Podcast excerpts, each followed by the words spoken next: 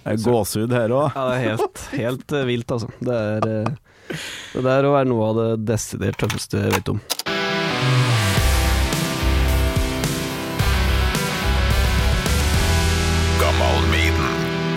Ifølge myten så blir det aldri noen damer på bassisten i bandet, for gitaristene og vokalisten og trommisen stikker av med alle i hop. Det her eh, må jo være en myte, i hvert fall når bassisten er sjefen i bandet. For Steve Harris han har seks eh, unger, så vidt jeg vet. Og det blir så mye prat om Steve Harris i denne podkasten bestandig, så jeg har savna å få en bassist på besøk, og nå har jeg endelig klart å finne en utrolig bra en. Scream for me Toten, her er Halvard Gårdløs. Thorsvik. Endelig en eh, bassist i Gammal Maiden. Halvard Gårdløs, velkommen hit. Takk for det. Du eh, må jo presenteres for dem som ikke vet hvem du er. Du eh, spiller i Spider-Go, det er kanskje det største bandet? Ja, Ja, det er det vel, ja. ja bassist der. Men òg veldig mye annet. Jazz, folkemusikk og Draken. Ja, stemmer. Wizard. Wizard, ja. Ja, Mhm. jeg har gjort uh, min research her. er. Følger med deg på Facebook òg, så det siste jeg så, var at du er med på noe TV-seriemusikk òg. Hva, uh, ja. hva er greia der? Uh, Det er rett og slett en Han Martin Horntvedt. Ja. Jaga jazzist, trommis og produsent og alt mulig. Han har også produsert Wizard-plata, som kommer til å komme snart. Ah, okay. Så det er vel derfra, på en måte derfra jeg kjenner han, da. Og han eh, lager også mye filmmusikk, så han har laga eh, soundtracket til en serie som eh, går på ja, Dplay eller Viaplay eller noe slikt. Om, om den der båtulykka, her Estonia-tragedien, vet du. Ja. Som var på 90-tallet, eller når den var. Den, Han Horntvedt han gjør veldig mye forskjellig for tida, altså. veldig. Han, eh, det er en mann med mange gjønn i ilden. Det er det. Så da var jeg rett og slett innom eh, Jeg var rett og slett innom han. Vi drev egentlig og la noe Wizard-vokal, tror jeg, på den plata. For der jeg spiller jo bass og synger der. ja, Så drev vi og la noe vokal, og så bare flikka han opp eh, et eller annet han drev med. eh, med den filminnspillinga da, og da synger jeg rett og slett noen partier der på det soundtracket. Gud, Noen sånne du spiller ikke- Du spiller ikke bass, du synger? Nei, jeg synger på et sånt kor der. På noen partier. Ja, det er veldig artig. Mm. Ja, sånn går det når man kjenner de riktige folka. Da Ja, blir man med på alt. Det med på mye rart. Men det er artig. jo digg nå, da, i eh, covid-19-tida, at, det- at det skjer noe, i hvert fall. Ja, Absolutt. Ja. Du, jeg må jo jeg må spille av noen sekunder her med eh, Halvard Gårdløs gull. Er du klar for å høre litt på deg sjøl?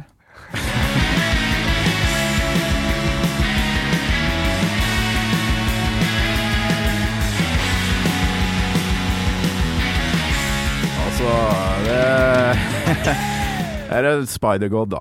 Mm. All and Everything fra Spider-God 5. Eh, du spiller med plekter, og du spiller blod, blodtight her, ass.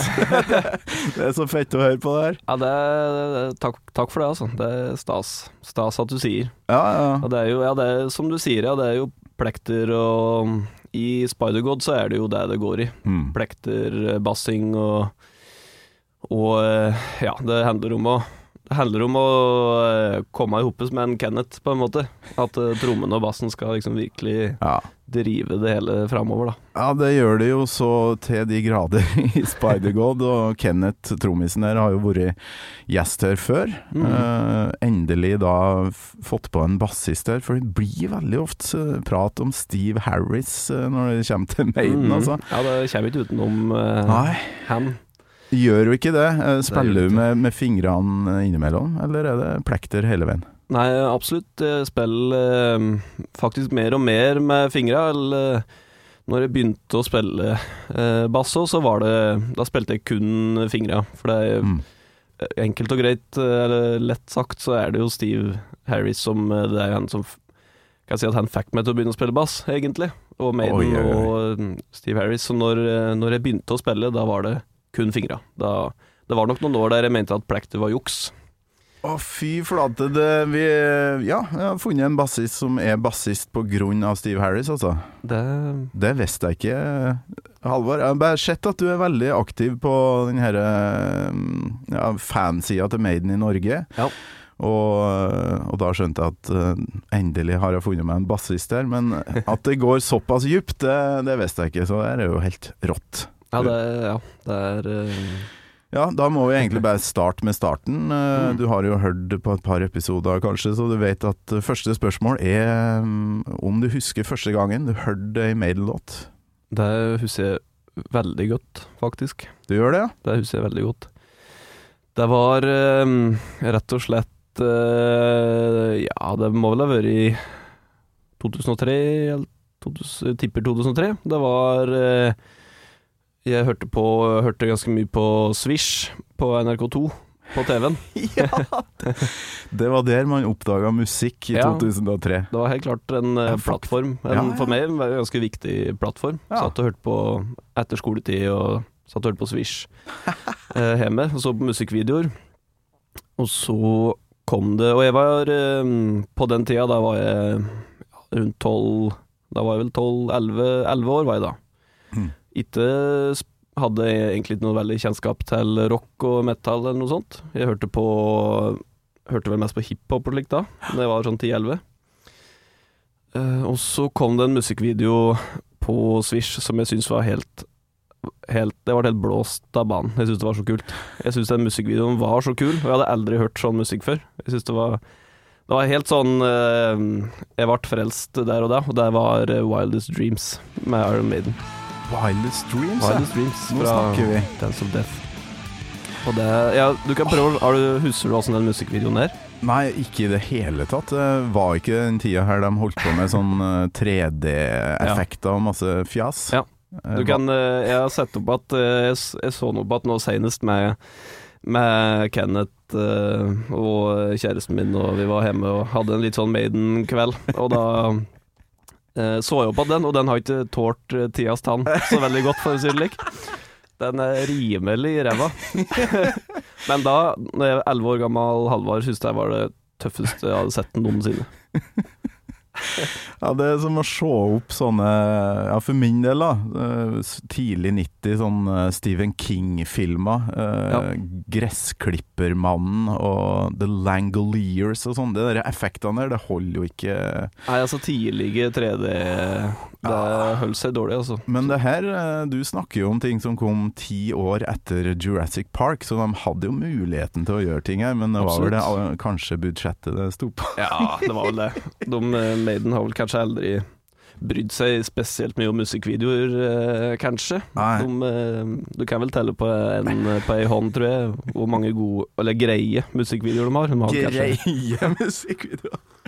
Du har ei fantastisk fin eh, dialekt, eh, Halvor. Jeg er glad i dialekt. eh, Og hvor var det da du satt og, og kikka på Swish i 2003? Da satt jeg i stua hjemme på eh, i Kolbu, Østre Toten.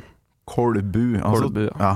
Toten eh, skjønte jeg jo at det måtte være, men eh, hvor blir det her i forhold til andre litt større plasser som, som vi kjenner til? er det en halvtime, drøy halvtime sør for Gjøvik, da. Ja, ok. Sør for Gjøvik, ja. Mm. Følger bare Mjøsa sørover. Ja, ja, ja.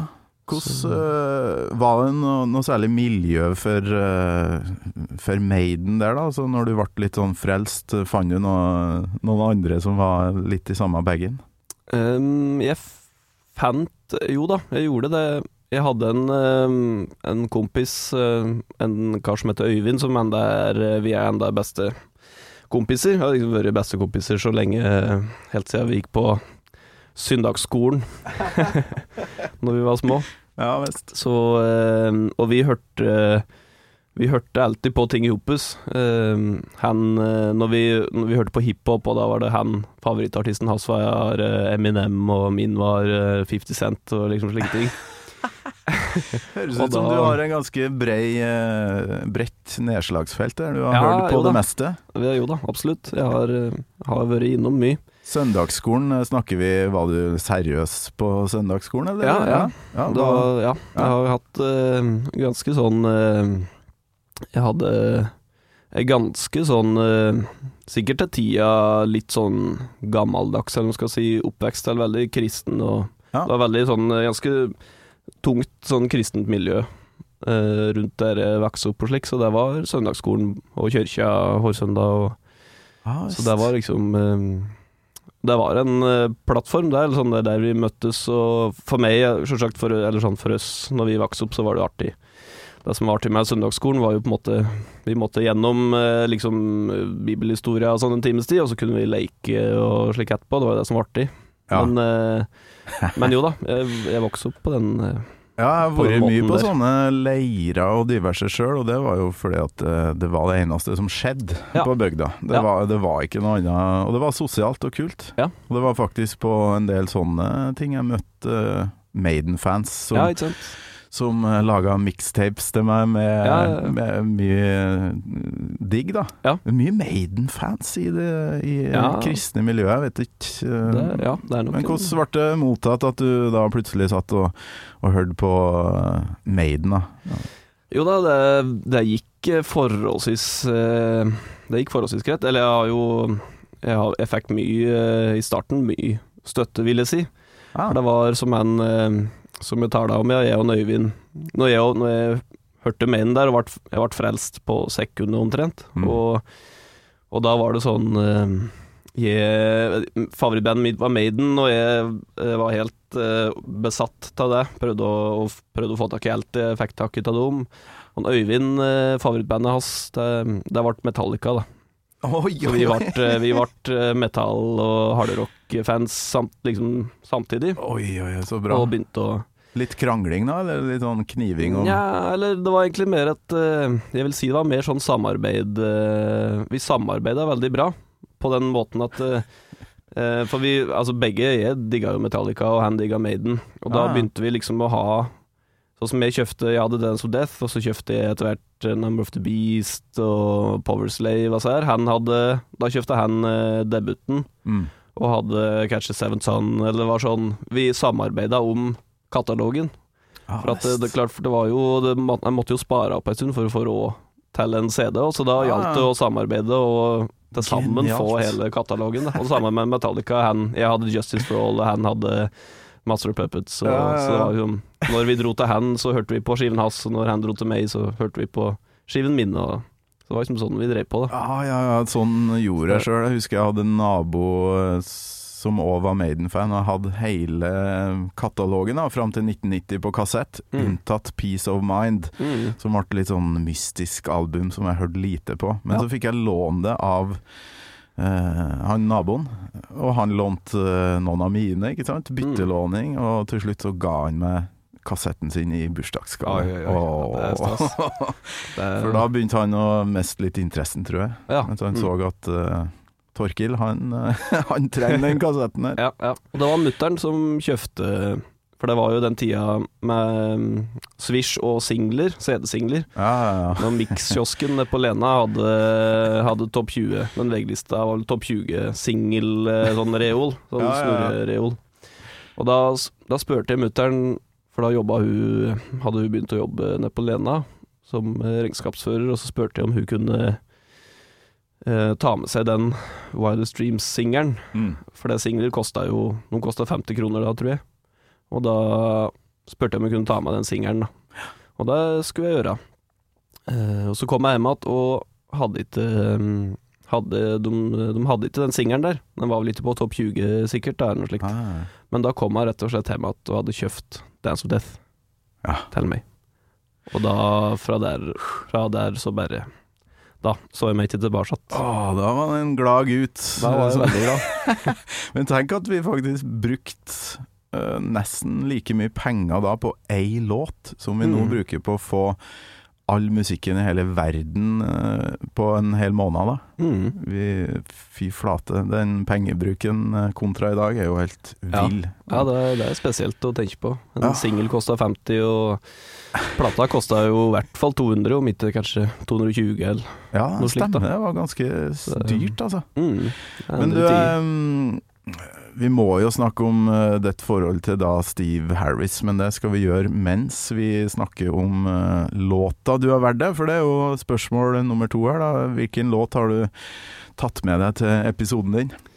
Jeg har tatt med um, 'Children of the Damned' fra Oh. 'Number of the Beast'.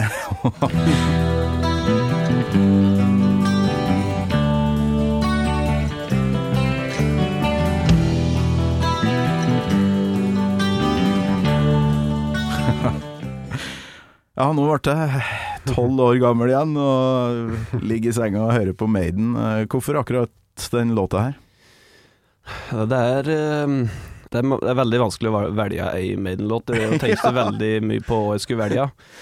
Og jeg drev og lurte på kanskje jeg skal ta Kanskje jeg skulle ta Wildest Dreams, eller liksom trumfe gjennom det, i stedet for å ta noe gammelt, eller kanskje um, Kanskje jeg skulle ta noe fra Seventh Son, som kanskje er favorittskiva mi nå, eller kanskje jeg skulle ta Wasted Years, som kanskje er favorittlåta mi uh, per nå, med okay. Maiden. Men, ja. uh, men uh, Children of the Damned har òg en litt spesiell Har en litt spesiell plass hos meg, da. Og har hatt litt betydning opp gjennom åra. Så jeg, Mm. på en måte så syns jeg det var Det passa Jeg syns det passa veldig godt å velge den.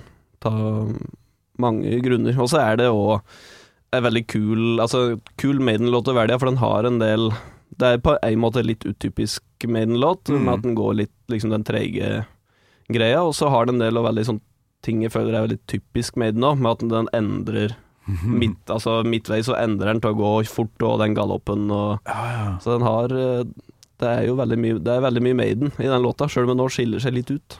Ja, altså de versene, måten eh, Bruce søng på og sånn, Ja, det... det- er ganske spesielt. Det er eh, spesielt. Det er helt, det er helt vill synging, da, vil jeg si. Ja. Jeg vil si det er eh, Det er helt Så spesielt andre vers og sånn, det er helt Det er Ja. brutalt. Ja, det er nydelig. Utrolig bra synging. Vi kan jo høye litt på, på refrenget her nå, for jeg har Skal vi show refrenget der, ja. Hør nå.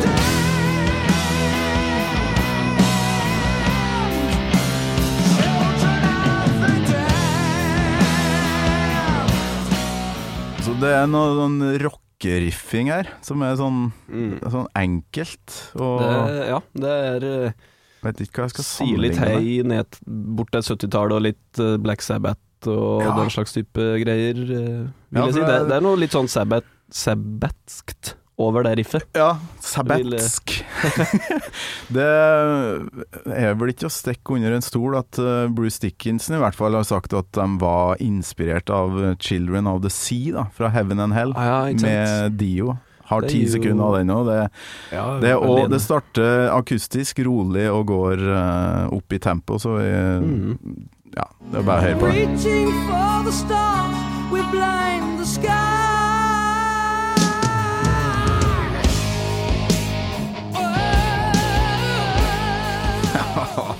gåsehud her òg. Ja, det helt, helt eh, vilt, altså. Det er eh, Det der å være noe av det desidert tøffeste jeg vet om. Ja, De to eh, Fantastisk. Dio Sabbat-skiven der, altså, på starten av 80-tallet, det, det det får ikke blitt så mye tøffere enn det.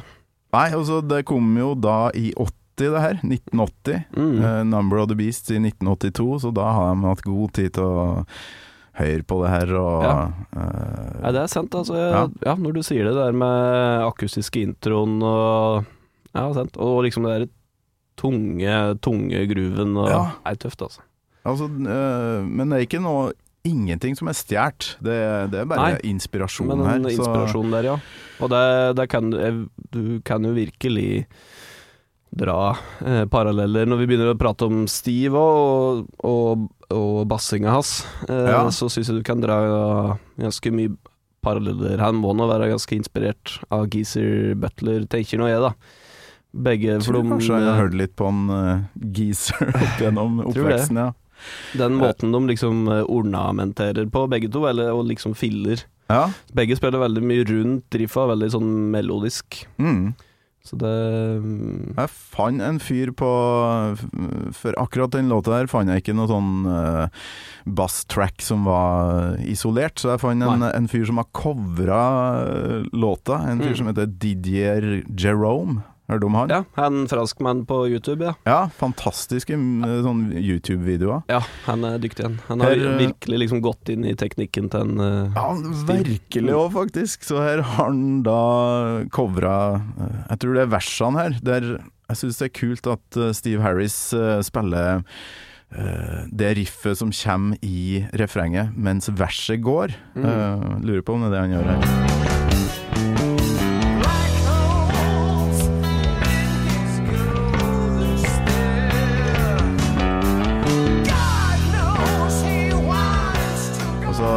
Hvert fall et lite hint til hva som skal komme, da. For etter Mm. det her så kommer jo down, down, down, Ikke sant? Så, mm. så du kjenner til han fyren der, det var litt ja. artig. Sett, uh, sett mye på han.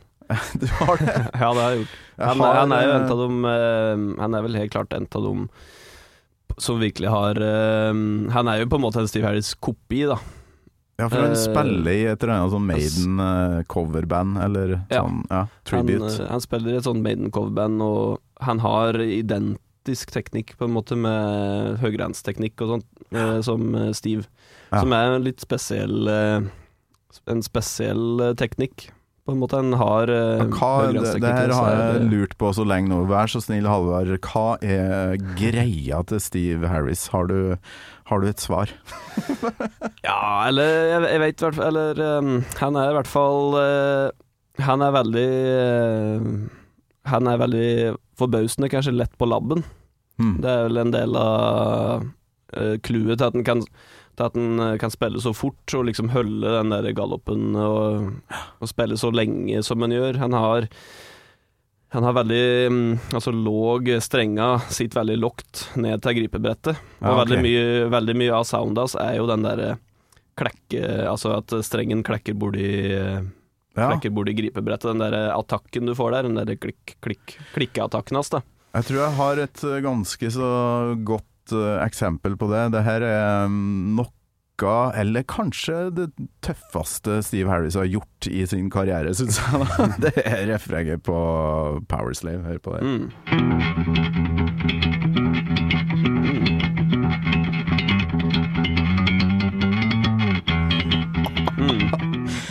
Ja, det er så deilig å høre på det. Ja. Eh, det der hører vi den klikkinga du snakker om. Ja. ja. Som jo på en måte Det hjelper jo eh, Det hjelper jo veldig bassen med å kutte gjennom, da. Ja. Kutte gjennom eh, lydbildet og vrengte gitarer. Sånn, du trenger ikke noe Du trenger ikke distortion på Det er på en måte i stedet for å ha vreng på bassen, Mm. så har du den der Den klikken der som, som på en måte puncher gjennom lydbildet, da.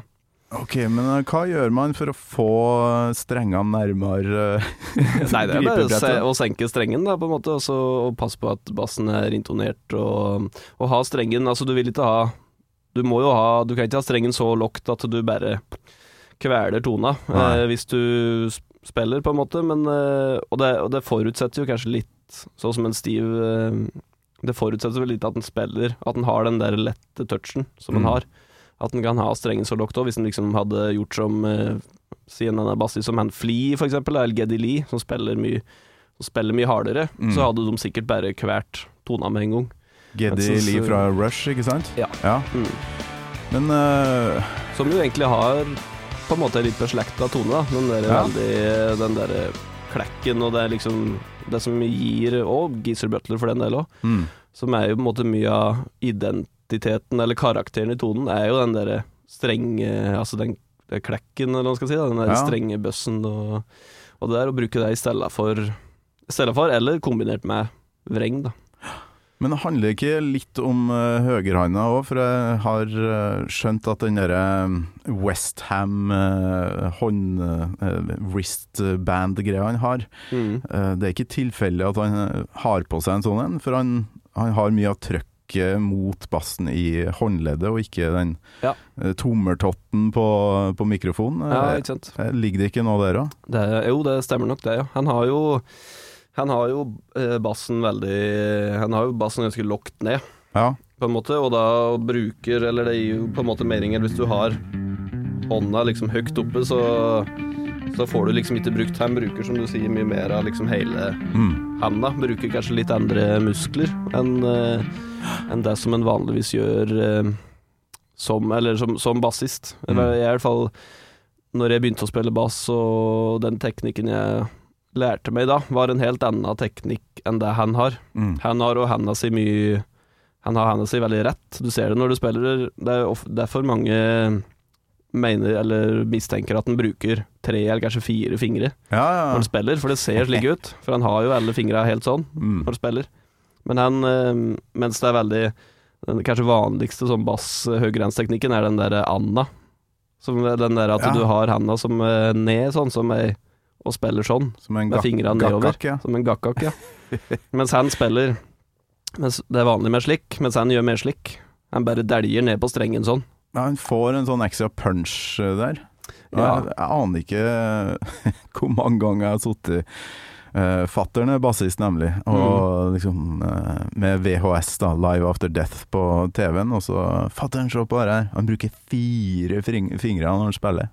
Mm. Han er verdens beste bassist. Og det bare mens han var litt sånn skeptisk. Nei, det tror jeg ikke han gjør, nei. Det, det er tungt, og det kommer ikke til å, å funke noe særlig. Så Nei. har jeg skjønt at det er bare to fingre, altså. Det er to fingre, ja. Da er de rimelig kjapp, de to fingrene. Ja. Ja, det, det går virkelig unna. Det, det er ganske imponerende, det er det. Men det er, jeg tror det er veldig viktig å ha For det er i hvert fall en, en feil jeg gjorde eh, når jeg var yngre, og som jeg enda er litt tilbøyelig til å gjøre, er at jeg spiller for hardt. Okay. Og da liksom, når sangen begynner å nærme seg slutten, eller ut i andre verser, så bare Faen, altså, jeg er, eh, hvorfor er jeg sliten nå? Jeg begynner å liksom få krampe. Og, og det er for at, eh, at jeg tar i for mye, rett og slett. Altså. Du skal Ah, okay. ha ganske sånn Du skal ha veldig sånn uh, lett Mm. touch. Han liksom Han tar ikke til strengen og liksom. Han bare Han das, det liksom dasker den, omtrent. Han dasker Ja. strengen. Dippidi, Faen, bippidi, så kult. Men du, liksom- må, vi må jo tilbake til det, øyeblikket, da. Hva var det som eh, fikk eh, Altså, hva var det med Steve Harris som fikk deg til å tenke at uh, bassist skal jeg battere bli? Nei, det, det er jo Historie er jo på en måte mm, eh, For å gjøre ei lang historie lang, holdt på å si, så, så, var det, så var det Maiden som, eh, som fikk meg inn i, i rock- og metallverden. Og så var vi en kompisgjeng eh, som bestemte oss eh, på et diskotek i sjette klasse eller sjuende klasse en gang at vi skulle lage band. Okay. Og da var det To av kompisene mine, de spilte gitar, Mm. og han tredjemann spilte keyboard. Og av en eller annen grunn så tenkte vi ikke på trommer, så da sa jeg at ja, men da får jeg begynne å spille bass, da. Mm. For det, det, mangler vi jo. Så da begynte jeg å spille bass. Så det grunnen til at jeg begynte å spille bass, var litt på en måte slik sett litt tilfeldig. Det er som regel sånn uh, med bassister. Ja, det er ofte- sånn, ah, Alle spiller gitar, faen. Da får jeg begynne å spille bass, da. og det, jeg, jeg må, altså, i, i starten må jeg innrømme at jeg sleit litt med å skjønne um, hva bass egentlig og bassgitar var for noe. Eh, Jeg husker jeg hadde har minne at jeg satt og hørte på Ride the Lightning Mm. av Metallica. Og så begynte jeg å lure på Er det egentlig bassen Hva er det som er bassen her, i det lydbildet her? Ja, ja, ja. Så det er lyse gitara som spiller der på introen, det er Den greia der. Mm. Og så er det så kjenner gitaren etterpå sånn Som bare Som spiller sånn. Ja, ja, ja. det er sikkert bassen, for den er jo mørk. Så jeg trodde, det var en stund jeg trodde at, eh, at bass var rytmegitar, egentlig. Ok. For det, men Ja, for, men på Ride the Lightning så det jo Så har jo bassen en ganske stor rolle på mye riffing og Ja. solo og hva farsken han spiller. Cliff, Cliff ja. Burton. han gjør det, og det er jo Jeg, jeg tipper at jeg Jeg visste vel kanskje ikke at den introen på For Whom The Bell Tolls at det var bass, egentlig. Det er ikke sikkert jeg egentlig skjønte helt det. Ja, den derre Ja. Ja. Jeg spørs om jeg Samme her. Jeg var i godt voksen alder. Jeg har skjønt at faen, det er jo bass, vet du. bassen. Men det er jo, jeg syns Til mitt eh, unge med i sitt forsvar, så syns jeg det er litt vanskelig å Jeg skjønner at det var vanskelig å skjønne hva bassen er for noe i Metallica. For at uh, rytmegitaren høres jo på en måte grøvere ut, om du skjønner hva jeg mener. Ja, ja. Tona til Cliff i seg sjøl er jo ganske sånn på en, på en måte ganske tynn, da. Det er ikke så mye bass inn. Men med Maiden så syns jeg det var veldig mye lettere å skille ut hva som var bass. Ja, ja. For der er jo En ting er at eh, Eller gitarer er jo veldig tynne, og så er bassen Har en veldig tydelig karakter og er veldig høyt i lydbildet, Mm. på en måte. Den er jo eh, Du skjønner jo Du skjønner at Steve er sjefen, på en måte. At han har noe å si i miksinga. Ah. For det, bass, bassen ligger jo ganske framtredende i, i lydbildet på de fleste Maiden-skivene, vil jeg si. Ja, og de her klikkene som da bryter gjennom innimellom, det var jo noe av det første som fascinerte meg skikkelig med Maiden. Mm. Sånn, hva er det som skjer her? Og, Ja, hva er det for noe? Det, og så ble den jo veldig ofte kåra til verdens beste bassist i sånne blader da, som vi drev og leste. Kerrang og Metal Hammer og sånne ting. Så var jo han veldig høyt på lista som regel, i Ja. lag med Geddy Lee og ja, ja. mange av de guttene der. ja. Og Geezer og sikkert, og Ja, ja, ja. Flere. Som òg er tekstforfatter og låtskriver av rang òg, så Ja. Geezer og Steve Harris det, Der har vi jo to, eh, to gutter som jeg tror har mye å prate om da, når de treffes. Det vil jeg tro, ja. De, ja, det vil jeg absolutt tro. Og det, ja, det var noe av det der òg som virkelig Etter hvert, når vi begynte å stable det der ungdomsbandet vårt på, på beina og slikt, da. Og jeg dykka dypere og dypere ned i Maiden, begynte å se dokumentarer og skjønte jo at det var en det var jo en Steve som var ubestridte sjefen, og jeg så inn i bukletten og er sånn Oi, han har skrevet L-låten, eller er i hvert fall med på omtrent L, og, og er liksom hovedlåtskriver og primus motor. Da var Steve Harris en veldig sånn stor inspirasjon for meg, ikke bare som bassist, men òg som bandleder. Ja. Eh, At, at liksom bassisten Jeg syns det var helt sjukt inspirerende og tøft at bassisten var sjefen i bandet. Og da, vart, eh, da tok jeg jo eh, Det inspirerte vel meg òg til å liksom eh, ta en litt lignende rolle, da. ja, så du har litt sånn rolle i enkelte band, eller? Ja, jeg har jo det, sjøl om nå, sånn som i nyere tid, eller sånn Spider-God og slikt, der har jeg på en måte måttet tilpasse meg en, en litt annen rolle, da. En rolle som mer sånn Det er eh, en rolle som eh, Ja, han, liksom løytnant, holdt jeg på å si, at du er eh, Det er en annen sjef i bandet, en annen primusmotor. Mm. Det er egentlig en situasjon som er litt uvant for meg, som, som var spesielt om, i starten litt uvant. Ja. Jeg var veldig vant med å være sjefen, og liksom drivkrafta i bandet. ja, ok. Nå tok du jo over jobben etter en eh, ganske eh, sjefete kar òg. Bent Sæther fra Motorcycle som spilte med Spider-God før. Hvordan, Mm. hvordan var det egentlig å hoppe inn etter en som i min oppvekst i hvert fall var Gud?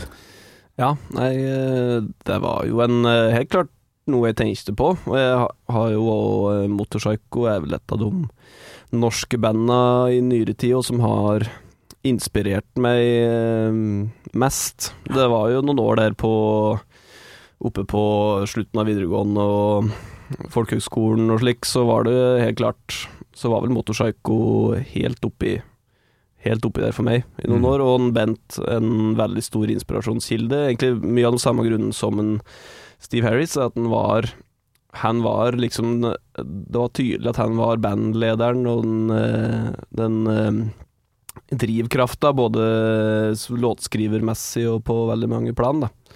Og det, så kjempe-Bent var en veldig sånn inspirasjon for meg, egentlig, i, i veldig mange år.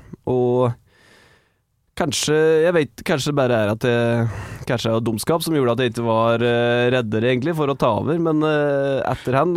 Men uh, på en måte på en måte så har jeg ikke tenkt så mye på det, skal være helt ærlig. Eller jeg syns Jeg syns ikke det var så skummelt som jeg kanskje burde ha syntes. Nei, men uh, jeg tror man skal være litt dum for å bli stjerne. Ja, det tror jeg det er rett i. Ja, for hvis du begynner å tenke på hvor, uh, hvor stor uh, forgjengerne dine har vært, så, så får du ikke gjort en dritt. Nei, det, det er noe med det, vet du. Nå, jo Ja, nei, ja, nå vet vi i hvert fall at uh, kompet i Spider-God, du og Kenneth, da, som er tidligere gjest her, valgte seg 'Rhyme of the Ancient Mariner', som også er en fantastisk låt. Mm. Dere er Maiden-fans, men det- det er veldig sjelden i norsk rockebransje å se folk som går rundt med Maiden-T-skjorte og sånn. Er det Uh, hvor mange er det egentlig som er made, skikkelig Maiden-fans? Fremstår ikke som noe sånn cred-band, egentlig. Veldig mange som vil like ACDC og, Ja. ja, og Zeppelin og sånt. Sabbat Sabbath er jo veldig sånn Ja. Mm. På en måte er det kanskje litt uh, ukredd. Uh, folk syns kanskje det er uh, Og det er for så vidt kritikk som kan være greit, at de, har, at de repeterer seg kanskje sjøl på en måte for mye. At de er Jeg tror på en, på en måte òg Jeg syns det er veldig, veldig vanlig at mange sånne Skal man skal kalle cred-rockere, eller hva man skal si, alltid sier at eh, Paul Diano-tida er best. Ja, de to første Paul Diano-skivene som er best. At, og det, og det det, er typisk. det, er, det er litt typisk, syns jeg, og det er Jeg skjønner det på en måte, for at uh, Bruce Bruce sin vokal er jo mer sånn er mer sånn op opera Eller i hvert fall på en måte i retning der, mer sånn dramatisk og Mm. litt sånn. Og det, det er jo på en måte Du kan si at eh, Bruce Maiden er jo Derfra så går jo på en måte er veien staka ut mot mer sånn power metal, altså du har Halloween og tyske Mm. banda der, Gamma Ray og Ja. det, det liksom Det baner veien mot den uh, musikken der, da. Mm. Og, for, eller, og Nightwish, liksom, alt det der. Den 90, sent 80-90-talls power metal-greia. Og det er vel Jeg tror det er den referansen som gjør at noen folk ikke liker det. At de tenker på det som starten på power metal. Og det I er- samme gata som dem, ja. Jeg tror det. Ja, det er litt rart, for jeg takler ikke for mye Halloween og Nightwish, eh, Nei. alle de bandene der.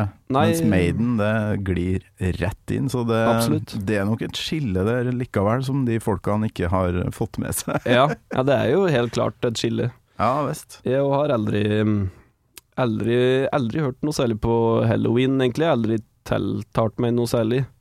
Jeg hadde en periode mm, jeg hørte på en del Jeg har helt klart hørt på en del power metal-ting. En Mm. del ting jeg nok ikke hører på nå lenger, men eh, jeg hadde en periode der jeg hørte på, jeg hørte på Nightwish, jeg hørte på Sonata Arctica og her finske power metal-banda. Eh, Jeg hadde helt klart en periode der. Jeg hadde en slags mentor, kan du si. Det var to musikksjapper på Gjøvik. Det var, mm, når jeg vokste opp der, det var Bennys, og så var det Musikkverket. Og de, han sjefen som var daglig leder på Musikkverket der, det var, sånn, det var en metallkar som het Olav Kinn, het han. Han eh, hadde sånn, hadde runde Ossi-briller og svart, langt hår. Han så litt ut som Ossi, egentlig. Det gikk i hvert fall det da, da. Metallkar. Ja. ja. ja, jeg fikk jo det bildet opp i hodet Ja, en gang. Og han, han var en sånn mentor for meg. Han fora meg. Jeg stakk innom musikkverk eh, så ofte jeg kunne, og han kom med anbefalinger til meg. da Sjekk Ah, ut det her. Og, og, jeg, og jeg, altså jeg sværte det jo uh, uten å tenke, uten å Ja, ja, ja. stille noen spørsmål i det hele tatt. Det var bare Vi måtte bare ha få inntrykk. Så han pusha en del sånn eh, power metal-ting eh, til meg. Sånn eh, Rhapsody og Sonata Utica og Ja, ja. Uh, Primal Fear og Morgana Le og en del sånne ting, da. Ah, Rhapsody, altså. Der har vi Det går, går unna i, i svingene der. Ja, det går- det det- går fort, ass. Ja, det går jo unna. Det gjør jo det. Litt så sånn samme eh, tematikken som Maiden innimellom, men, eh, men jeg, jeg, jeg klarer ikke å sammenligne eh, sånne band med Maiden. da. Nei, jeg, klarer ikke det, jeg heller, altså. Og det du kan jo du kan trekke paralleller både til Maiden og til Dio, sikkert òg. Ja, ja. og til 80-talls Sabbat og den type greier der. Men det er for meg i hvert fall, og det kan godt hende at det er Kanskje det er at liksom Maiden og Dio og sånn, det hørte jeg jo på enda før, så det stikker liksom enda dypere. Men eh, det holder seg veldig mye bedre, da, syns jeg, Mm. enn det, enn det sånne band som Rhapsody og slik gjør, da. Vi kan jo bare høre på han derre vokalisten, da, som enkelte ikke eh, takler, kanskje. Men uh, avslutninga av 'Children of the Dam', det er rimelig heftig. Hør på det.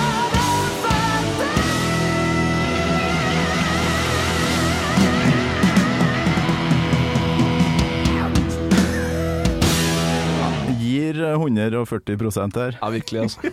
Og det syns jeg er gjennom, ganske gjennomgående på hele Number of the Beast, eh, egentlig. Mm. At han er, der er ei sånn skive Der han skal, han skal bevise at han Ja. er vokalisten. Og du hører det fra første tone på eh, Invaders, at Ja. det, han mener alvor. Helt til slutt, Halvor. Eh, Går du noe særlig på konserter og ser på gjengen her? Får du gjort det? Ja, ja da. Jeg har eh, Første gangen jeg så dem, var vel i Var det 2005? Den der Early Days-turneen. Hun spilte i Spektrum Ah. Jeg tror det var andre dagen. Hun spilte vel to dager i Spektrum. Dæsken, den skulle jeg likt å Early Days-turneen, det var tøft. Det var da lå andre gangen jeg var i Spektrum. Første gangen det var, jeg på Judas Priest. På den eh, Angel of Retribution, den eh, comeback-turneen til en, uh, Rob Halford. Det var helt, helt vilt. Og det var jo helt vilt med Early Days Ja, det i Spektrum. for meg. Nei, det fikk jeg ikke sett. Nei, det var, det var tøft, altså. Det var helt Men eh, det Det er drømmesettlista mi, da. Ja, det er jo det. Det var Akkurat den turneen der. Ifra de eh, ja, fire første, er det ikke det? Ja, det er noe sånt. Det Nei, eller egentlig det er Somewhere on Tour Somewhere in Time, nei. Ja, den som kom Somewhere etterpå. Back in Time. Somewhere Back in Time. Faen, der, det snakker vi. Var du der? Da, ja, da, ja, da fikk jeg, Ja, da fikk jeg, jeg, de låtene jeg hadde ønska meg. Ja, det var Jeg vil nok si at det er den ultimate eller du er var der, ja? Jeg var der, på Ja, Kanskje du var en fyr når jeg sto arm i arm med der og skreik på, på rhyme. Ja, kanskje. Jeg var, var du inne på eh, Vi spurta inn og kom inn på den Golden Circle, Nei. eller hva det er for noe? Eller der, eh, Kom meg ikke inn der, men eh, jeg syns det er så digg å være på konsert og bare møte eh, folk du ikke kjenner som altså, ja, Dere har én ting til felles, og det er Nå kommer favorittlåta mi, og så, og så blir det allsang. Ja. Det Savner den uh, følelsen der. Ja, jeg gleder meg til vi kan eh, gå tilbake eh, til det. Jeg håper, jeg håper at vi kan gå tilbake eh, dit. Vi må det. Ja, vi må det. Det Eh, syns jeg. Da skal de spille uh, 'Children of the Damned'. Ja, Det, det har vel ikke skjedd veldig mye, men den er vel med på Live Nei. After Death. Uh, Ja. I hvert fall plata, da. Jeg husker ikke om jeg har sett den eh, live, eh, for jeg har sett også, det er disse to konsertene, og så så jeg dem i Bergen på, eh, i 2000 når var det? 2011. Da spilte de veldig mye nytt. Da spilte de Mm. veldig mye fra Brave New World og opp til var det Matter of Life and Death, som hadde kommet ut da, eller om Final Frontier hadde kommet ut da. Eller var det rett før? Den, det var også en veldig kul Jeg syns det er tøft når de spiller veldig mye nytt, da. Spesielt Ah, Dance of Death holder jeg veldig høyt ennå, og Brave New World òg. Det funker eh, som bare juling, det. Nei, jeg syns det. Altså. Jeg syns det. Og så så jeg dem jo på Book of Souls-turneen i eh, Telenor Arena, og jeg så dem på Legacy of the Beast på Trondheim Rocks for et par år siden. Ja visst. Så det Jeg snakker vi om ekte fan, og endelig en Endelig en bassist. Eh, Det var skikkelig digg, faktisk. Det var en sånn forløsende tror jeg, episode. Ja, passert 20, og så kommer endelig bassisten. Det, det er veldig bra. Ja. Så Halvard, det har vært helt fantastisk eh, hyggelig. Tusen takk for at du kom, og lykke til med all musikken framover. Takk for det. Veldig stas å eh, få komme og preike om noe av det kuleste jeg syns det er å tale om her i verden. Gammal Maiden med Torkel Thorsvik. En podkast fra Radio Rock.